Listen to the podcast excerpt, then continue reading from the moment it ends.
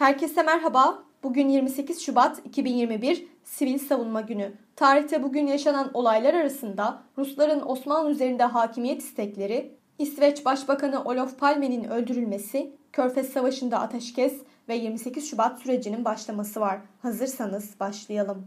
Dünya tarihinde bugün yaşananlar 1953 Balkan Paktı imzalandı. Sovyetler Birliği'nin izlediği politikalar Türkiye, Yunanistan ve Yugoslavya'yı birbirine yaklaştırdı. Bu üç devlet arasında Ankara'da yapılan görüşmeler sonunda 28 Şubat 1953'te Balkan Paktı imzalandı. 1986 İsveç Başbakanı Olof Palme öldürüldü. Koruma kullanmayan İsveç Başbakanı Olof Palme ailesiyle birlikte bir sinema çıkışı 28 Şubat 1986'da uğradığı faili meçhul bir suikastle hayatını kaybetti. 1994 NATO tarihinin ilk askeri saldırısını yaptı. Bosna Hersek'te uçuş yasağını çiğneyen 4 Sırp uçağı 28 Şubat 1994'te ABD jetleri tarafından düşürüldü. Türkiye tarihinde bugün yaşananlar 1967 İlk Türk otomobili Anadolu 26.800 liradan piyasaya sürüldü.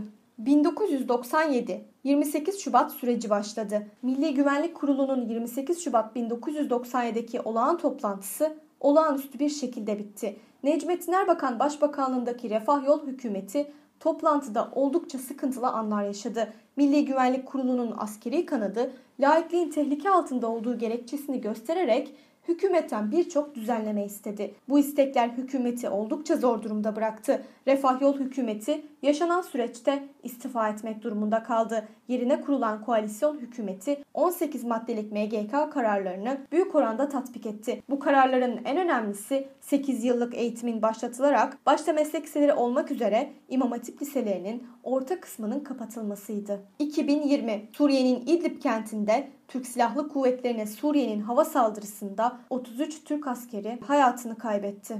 Bugün doğanlar 1886 Türk eğitimci, yazar, hattat, siyasetçi ve Cumhuriyet döneminin ilk rektörü İsmail Hakkı Baltıcıoğlu dünyaya geldi. 1892 Türk tiyatro sanatçısı Muhsin Ertuğrul doğdu.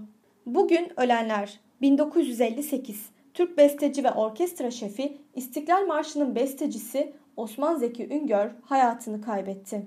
2015 Türk romancı, senaryo ve öykü yazarı Yaşar Kemal hayatını kaybetti. Bugünkü bültenimizi de burada sonlandırıyoruz. Programımızda tarihte gerçekleşen önemli olayları ele aldık. Yarın da tarihte neler olduğunu merak ediyorsanız bizi dinlemeyi unutmayın. Yarın görüşmek üzere.